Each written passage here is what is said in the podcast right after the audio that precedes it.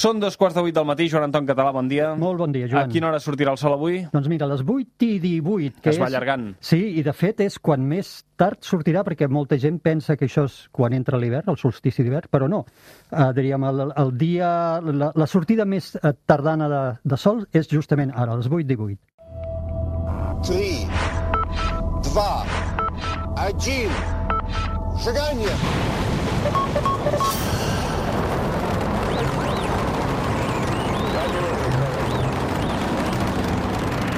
One small step for man, one giant leap for Cada diumenge a aquesta hora, ja ho sabeu, repassem l'actualitat, eh, no sé si dir especial, científica, vital, amb el Joan Anton eh, Català, que ens acompanya els diumenges, que és divulgador, eh, sobretot centrat en temes de l'espai, ha escrit, entre altres, 100 qüestions sobre l'univers o la novel·la juvenil Projecte Galileu. Joan Anton, bon any. Bon any igualment. Com estàs? Doncs mira, mm, trist i reflexiu, perquè hem tingut a l'entorn familiar d'amistat la pèrdua d'un d'aquells amics que en tens pocs a la vida, un amic super entranyable que se n'ha anat i mm, saps que a vegades m'encanta parlar i en aquest espai també ho faig de la fortuna de la vida i de com hem d'aprofitar cada segon d'aquest regal que n'anomenem vida i és quan et passen coses d'aquestes que reflexiones no? i dius al final eh, és això, què, què hem fet de la vida i afortunadament puc dir que el Sebas, el meu amic ha fet moltes coses en aquesta vida, ha deixat amb la Nina una família estupenda i ens ha deixat a tots un record uh, d'anècdotes i de vivències que al final fan que, tot i que se n'hagi anat, ell segueixi visquent diríem, amb el nostre record. T'acompanyem en, el, en el sentiment i, i realment és, és exactament això, és eh, quan algú es mor, eh, al final la manera de que segueixi viu és en el nostre record. Totalment. Aquesta és la segona vida, que diríem, t'haig de dir que a més era un gran seguidor del programa. Eh, A més, l'amistat profunda que teníem el permetia fer crítica sobre com deia i el que deia i quines coses li agradaven més i menys, i per tant, bueno, si això, segur que ens seguirà escoltant. Doncs avui realment parlarem d'un tema que, que s'escau una mica amb aquesta reflexió.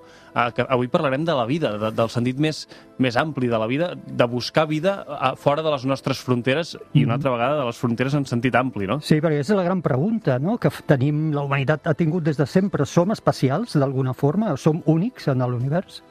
I, I avui parlarem d'aquest tema, de si hi ha vida més enllà eh, del planeta Terra, perquè he estat llegint els últims dies uns titulars així d'aquests que de tant en tant eh, ens agrada fer als mitjans de comunicació que s'ha trobat una interferència una mica estranya, no? Ha passat alguna cosa que, que to- tots els científics han posat les orelles en l'aire i els que no som científics i no entenem exactament quin és el titular, hem dit, compte que algú ens ha dit hola, potser. Sí, eh, t'haig de dir, Joan, i això no sé si t'agradarà escoltar-ho, que la culpa la teniu vosaltres. És a dir, Sempre. Sempre.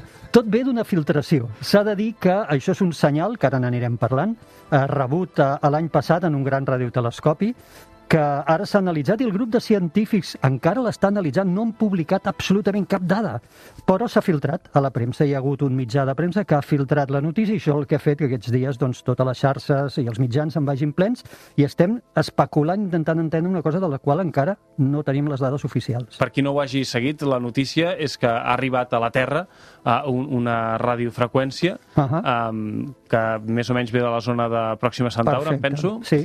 i que no, no, no sabria explicar-ho, eh? T'ho explicaré Ara, així ara. pel poc gros i després tu entres en el Vale, detall. digues. Però el que he entès jo és que les característiques d'aquesta uh, ona uh, radiofònica o electromagnètica um, fan pensar que no és una interferència humana, no és una cosa que ens hagi rebotat de nosaltres mateixos Mhm. i que és una cosa que té elements per pensar que algú l'ha enviat expressament. Sí, molt ben, molt ben dit. Uh, jo sóc una mica no tan, no tan, diríem, exultant com això. Jo diria que és sospitosa, és un senyal uh, sospitós en el sentit que ha passat els filtres típics que passen aquestes senyals que ja eliminen els milers d'interferències que de forma contínua rebem, doncs aquest filtre semblaria que els hauria passat i, per tant, seria sospitosa. Té una sèrie de característiques, que si vols després en podem parlar més en detall, que la fan sospitosa. Mm -hmm. Haig de dir-te una altra cosa, eh, i penso que és bo de dir-ho, 99,9% de probabilitats que quan això s'investigui bé acabarà sent una interferència humana, però jo sempre dic, mai no són els CTs fins un dia que ho siguin. Algun dia tindrem aquest eh, 0,0 Eh, segur. Una pregunta, Joan Anton.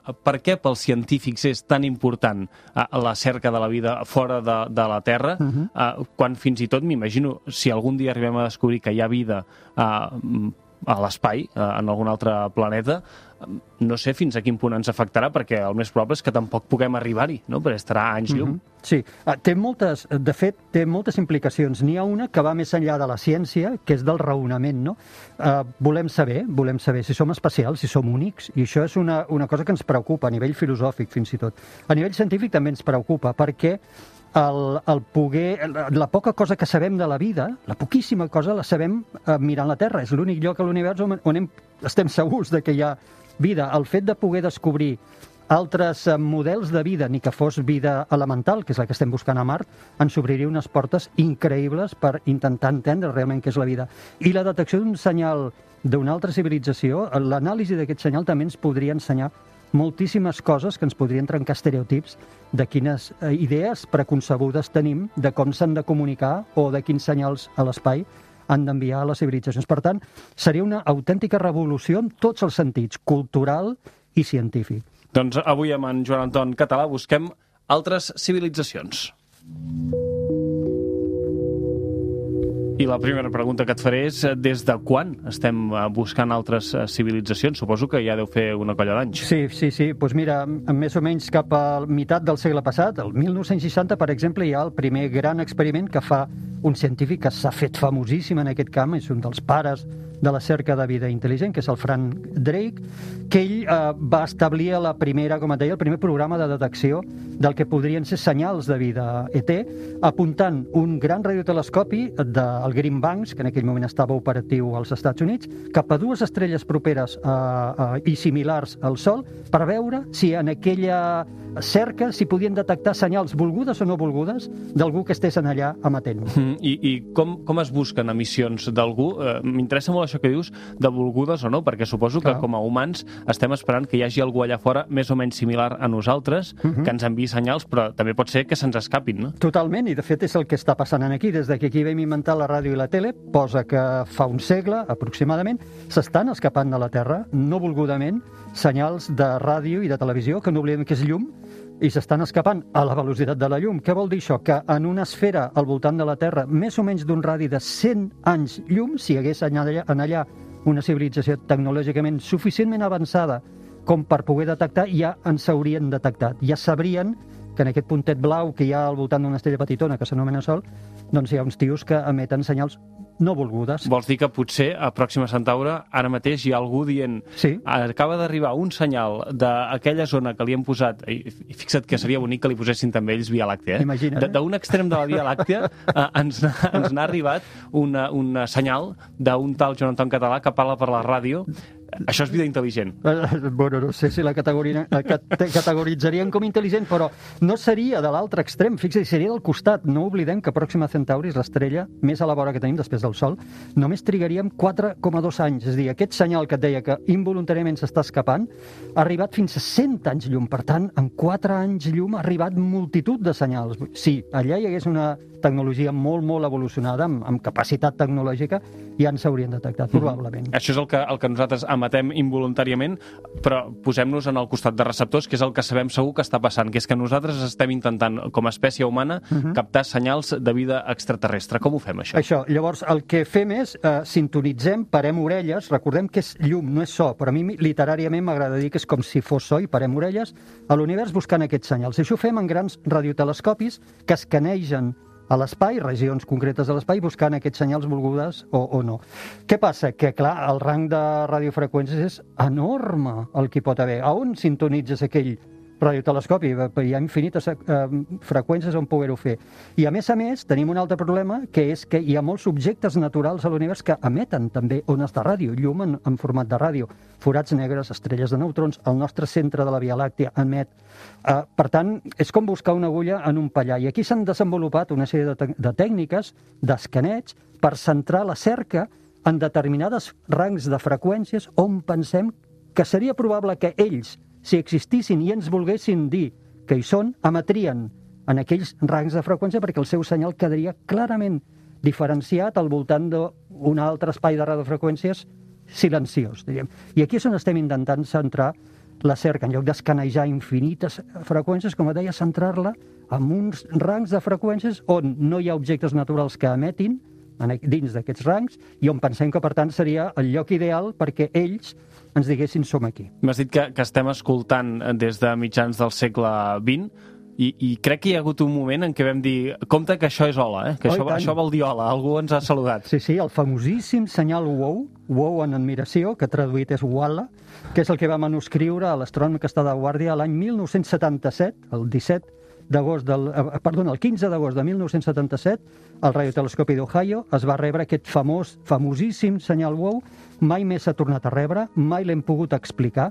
S'han anat descartant totes les hipòtesis d'interferències humanes, totes, cada una d'elles ha anat caient, també les naturals han anat caient, no és prova de res, no pot ser evidència de res, perquè no s'ha pogut tornar a detectar i, per tant, no hem pogut analitzar-la més enllà d'haver-la detectat, però allà està. I es considera com l'únic senyal sospitós, des de que estem escoltant a l'espai, l'únic senyal sospitós que s'ha rebut. Torno a dir, no és prova de res, no prova absolutament res. Podria ser perfectament una interferència que no haguem acabat d'entendre.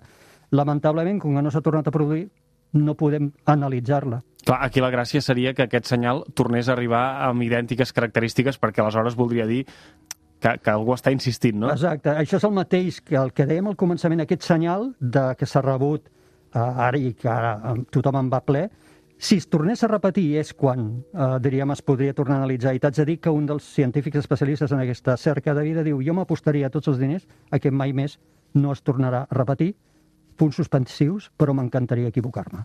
Ah, clar, aquest suposo que és el mètode més eh, genèric, més eh, extès de- d'intentar captar alguna cosa, però n'hi deu haver d'altres, no? Sí, n'hi ha un també molt famós que també prové d'aquesta època dels 60, que és quan es va posar de moda eh, la cerca de vida intel·ligent, que la va inventar un físic anomenat eh, Freeman Dyson i es coneix com les esferes de Dyson. Què és això?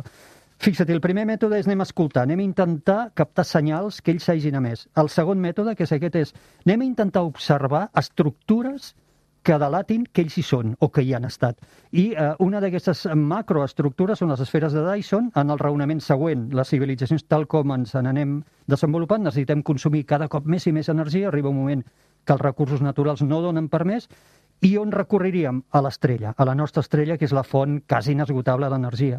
Les esferes de Dyson serien hipotètiques estructures que les civilitzacions construirien al voltant, com si fossin grans panells solars, al voltant de la seva estrella, que captarien aquesta energia i la transformarien perquè el planeta o els planetes habitables en poguessin gaudir.